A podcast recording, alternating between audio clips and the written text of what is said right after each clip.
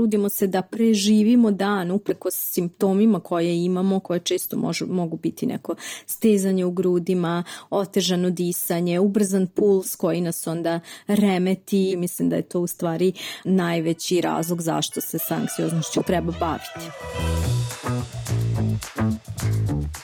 Zdravo! U ovoj epizodi slušamo Svetlanu Prokić, diplomiranu psihološkinju, gestalt psihoterapeutkinju i članicu Centra Psihobalans.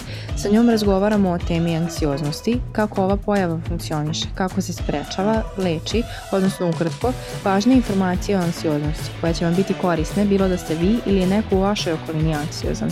I hej, pošaljite ovu epizodu onome kome je potrebno. Da počnemo iz početka. Često se mešaju strahovi pa čak i depresivna stanja sa anksioznošću. Svetlana, hajde da objasnimo šta je uopšte anksioznost? Anksioznost je stanje ljudskog bića kome osjeća strah od neke nejasne opasnosti. Dakle, osoba ima osjećaj da će se nešto loše desiti, ali ne može tačno da kaže šta. Šta se tada dešava u našem telu? Kako se anksioznost osjeća?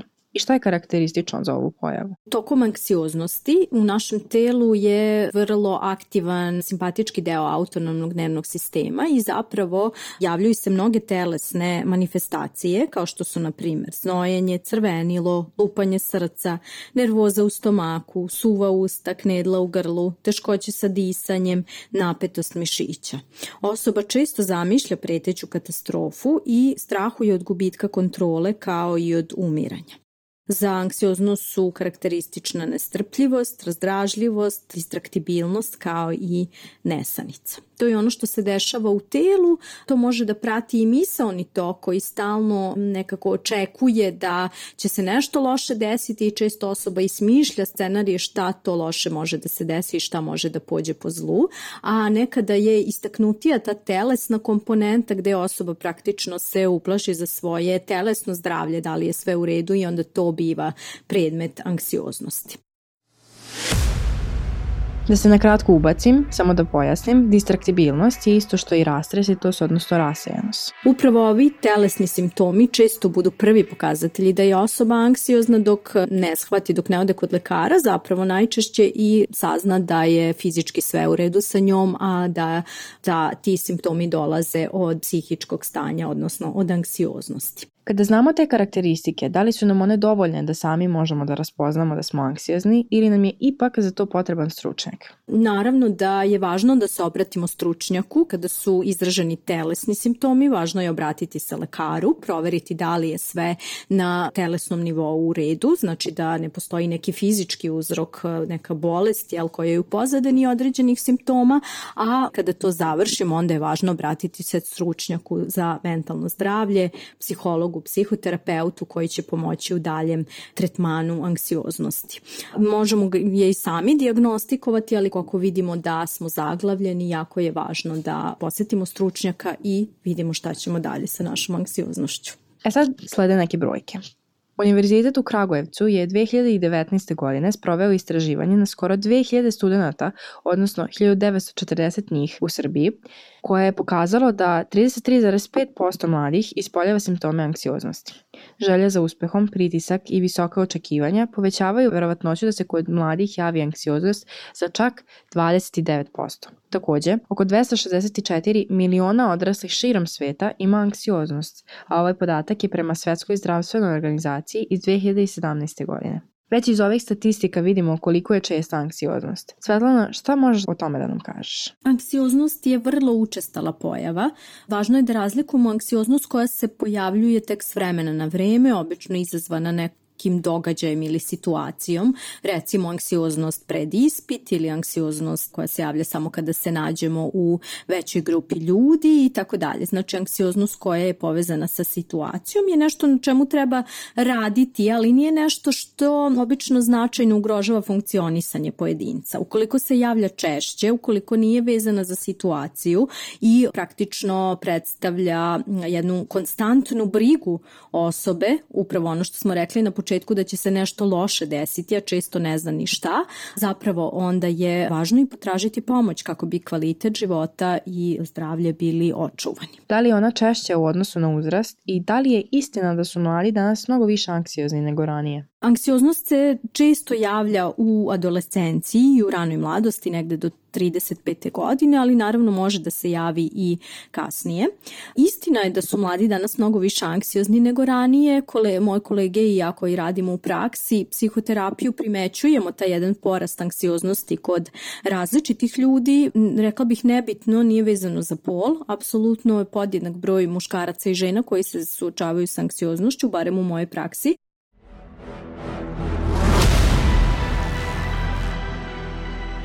Rekla bih da prosto danas živimo u tom modernom, brzom svetu gde se dosta očekuje od nas, gde su veliki zahtevi, gde nemamo sigurno tlo pod nogama i obezbeđene nekad čak ni one osnovne resurse za život, tako da je prosto anksioznost nešto što prati ono vreme u kojem danas živimo. Tako da jeste i učestalije pojava, ali jeste istina da mnogo više o tome pričamo, normalizujemo anksioznost i mislim da više nije bao nauk otići kod psihologa i tražiti pomoć, tako da je to ono što jeste dobra strana priče. Hm. Šta misliš, koja je najveća predrasuda u vezi sa anksioznošću, pošto verujem da ih ima poprilično? Ne znam koja je najveća predrasuda o anksioznosti i anksioznim osobama, možda to da recimo da ona nije tako učestala. Često mi ljudi dođu pa se osjećaju kao da su jedini na svetu jer doživljavaju anksioznost, zapravo nije tako. Mislim da se anksioznost dosta sakriva i da se osobe osjećaju neadekvatno samim tim što doživljavaju anksioznost i onda u, u tom smislu nekako kriju da se osjećaju kako se osjećaju.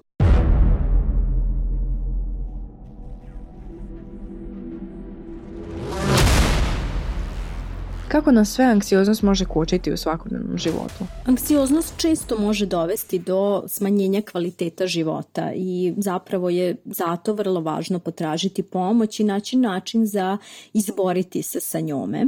Osobe često prestanu recimo da izlaze iz kuće, da odlaze na događaje koji u njima izazivaju povećanu anksioznost, neki čak odustaju od recimo davanja ispita ako je to situacija koja im izaziva anksioznost, prestaju da se druže, povlače se, a sa druge strane često dolazi do preterane konzumacije raznih psihoaktivnih substanci, da tako kažem alkohola, nikotina, pa čak i droga i prosto je to nešto što dovodi do privremenog olakšanja i naročito mladi ljudi pribegavaju tome i zato u tom smislu treba biti oprezan. Anksioznost takođe može učiniti da se manje radujemo životu, jer ako smo konstantno u nekoj brizi i trudimo se da preživimo dan upreko simptomima koje imamo, koje često mogu biti neko stezanje u grudima, otežano disanje, ubrzan puls koji nas onda remeti i opet u isto vreme brine i kad smo u toj konstantnoj brizi mi zapravo ne možemo da uživamo u životu i mislim da je to u stvari najveći razlog zašto se sa anksioznošću treba baviti. Koče nas u svakodnevnom životu, svaki dan očekujemo brige. Steže nas u grudima, a to utiče na naše disanje, puls, a ponekad i blokade. Panični napad, jer anksioznost može i do toga da dovede. Zato je jedno od mojih pitanja Svetlani bilo i šta nam može reći o anksioznim odnosno paničnim napadima? Kako se ispoljavaju? Panični napad je pojava jedne intenzivne doze, da tako kažem, anksioznosti. Dakle, osoba često osjeća kako ne može da diše, kako izmiče tlo pod nogama. Obično ima misli o tome da će poludeti ili čak umreti. Kao što sam rekla, kod anksioznosti je vrlo aktivan taj simpatički deo autonomnog dnevnog sistema i zapravo se pobuđuje većina fizioloških funkcija, tako da osoba ima doživlje da će se zaista nešto strašno desiti. Panični napad obično traje kratko, ali je vrlo, vrlo intenzivan i zastrašujući i najčešće zapravo nakon paničnog napada osobe se prvi put obraćaju za pomoć i suočavaju sa svojom anksioznošću. A da li... Panične napade ne možemo sprečiti, oni se pojavljuju i onda kad oni hoće da tako kažem i u stvari je najveća caka u radu sa anksioznošću jeste da pustimo tu kontrolu. Obično osobe koje imaju problem sa anksioznošću i paničnim napadima imaju ogromnu potrebu za kontrolom, da im je život zakum pakum i da je sve baš onako kako treba da bude. Ukoliko životne okolnosti su takve da im kontrola izmiče, onda se često dešava dešava da pr po prvi put dožive recimo panični napad. Ne možemo ga sprečiti, ali možemo raditi na tome da prihvatimo da ono što nam se dešava jeste deo jednog ljudskog iskustva, da nije ništa strašno, ali da nam govori o tome da neke stvari u našem životu ne, ne štimaju baš kako bi trebalo i važno je pozabaviti se, se time šta ne radim kako treba, odnosno kako sam to uspeo da dođem do tačke u životu kada se moje biće na ovaj način buni.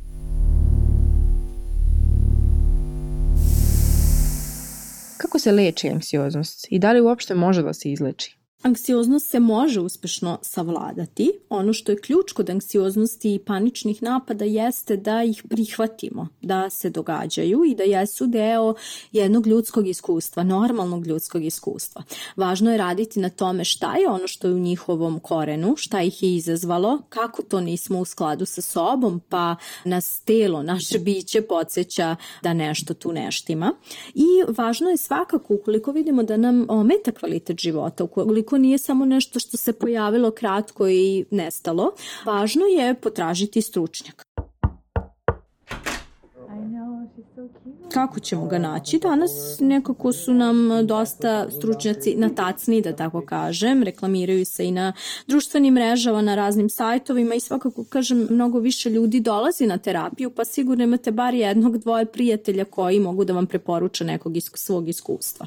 Ono što je važno znati jeste da u potrazi za pravim terapeutom za nas je važno da vodimo računa o tome da li nam se da zaista ta osoba na neki način dopada. Jer ono što se pokazalo kao najefikasniji faktor, najvažniji faktor u, za efikasnu terapiju jeste odnos klijenta i psihoterapeuta.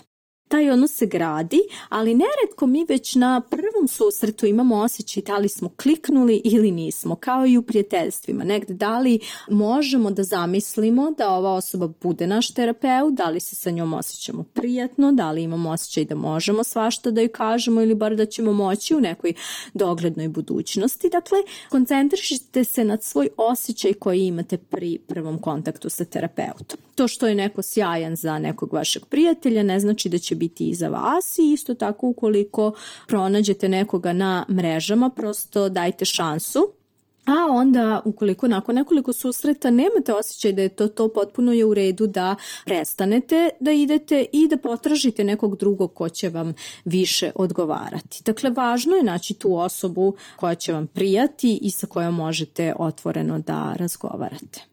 Hajde da budemo još korisnije. Koji savjet možeš dati ljudima koji se bore sa anksioznošću? Kod anksioznosti i paničnih napada je ključno da ih prihvatimo, da postoje, da su takvi kakvi jesu i da su deo našeg života i deo našeg ljudskog iskustva. Nisu znak da smo poludeli, da smo ludi, da nešto nije u redu sa nama, nego da negde nismo u skladu sa sobom i da nemamo to čvrsto tlo pod nogama koje nam daje doživlja i da možemo da lako prolazimo kroz ovaj život. Dakle, ključ je u tome da pustimo kontrolu, jer anksioznost i panika se javljaju često kod osoba koje imaju intenzivan tu potrebu da sve stvari budu pod njihovom kontrolom.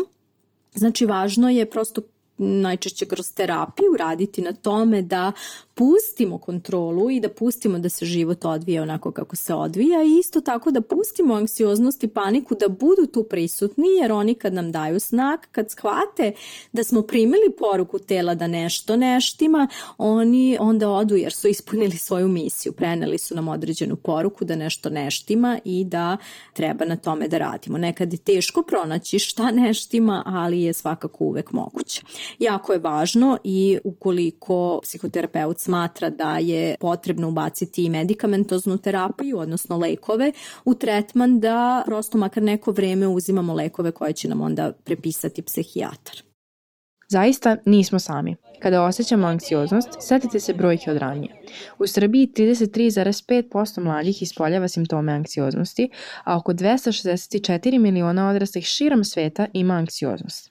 Gestalt psihoterapeutkinja Svetlana Prokić upravo na ovo skreće pažnju. Ukoliko doživljavate anksioznost, važno je da se podsjećate da niste sami, da postoji mnogo ljudi koji u današnjem trenutku na ovoj našoj planeti Zemlji koja je u takvom haosu kakvom jeste u ovom trenutku čovečanstva, jako mnogo ljudi doživljava anksioznost i da je to jedna normalna reakcija na nenormalne okolnosti.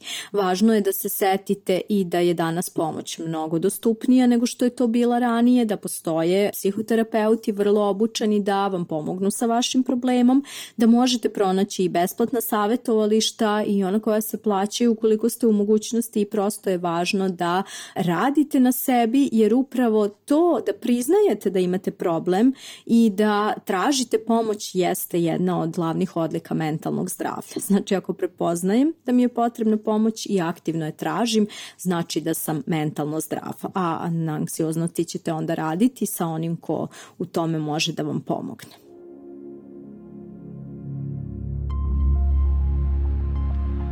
Jako važna informacija je da i takozvane male stvari mogu da nam pomognu.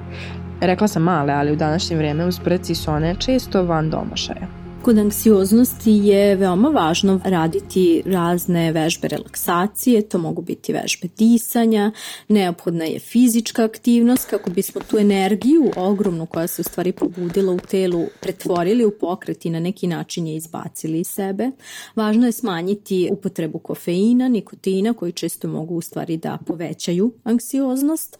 Takođe je važno nekako voditi onu osnovnu brigu o sebi, a to znači spavati dovoljno sati, jesti, jesti uobročeno, jesti zdravu hranu, voditi računa o tome šta unosimo u sebe. Nekako je važno pronaći i osobu među prijateljima sa koja mogu da pričam o onome što imam, te veze prijateljske su prosto neprikosnovene i vrlo, vrlo važne u tome da ne budemo sami kada se suočavamo sa ovom neprijatnom pojavom. Ponekad previše očekujemo od sebe. Ponekad nas drugi pritiskaju, ponekad mislimo da drugi očekuju mnogo od nas, a imamo osjećaj da to treba da ispunimo.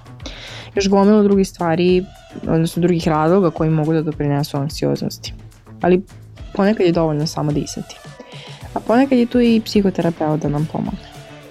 Slušate podcast Umologija, fabrike kreativnosti – Podcast u kom želimo da napravimo nove drajvere, putanje shvatanja i razmišljanja, poimanja sebe, svojih misli i emocija, ali i osoba i sveta oko nas. Novinarka Jovana Grabež, dizajn zvuka Jovan Živković, urednica Aleksandra Bučko, produkcija Fabrika kreativnosti. Ovaj podcast i rad Fabrike kreativnosti podržava Švedska u okviru programa Beogradske otvorene škole Mladi i mediji za demokratski razvoj.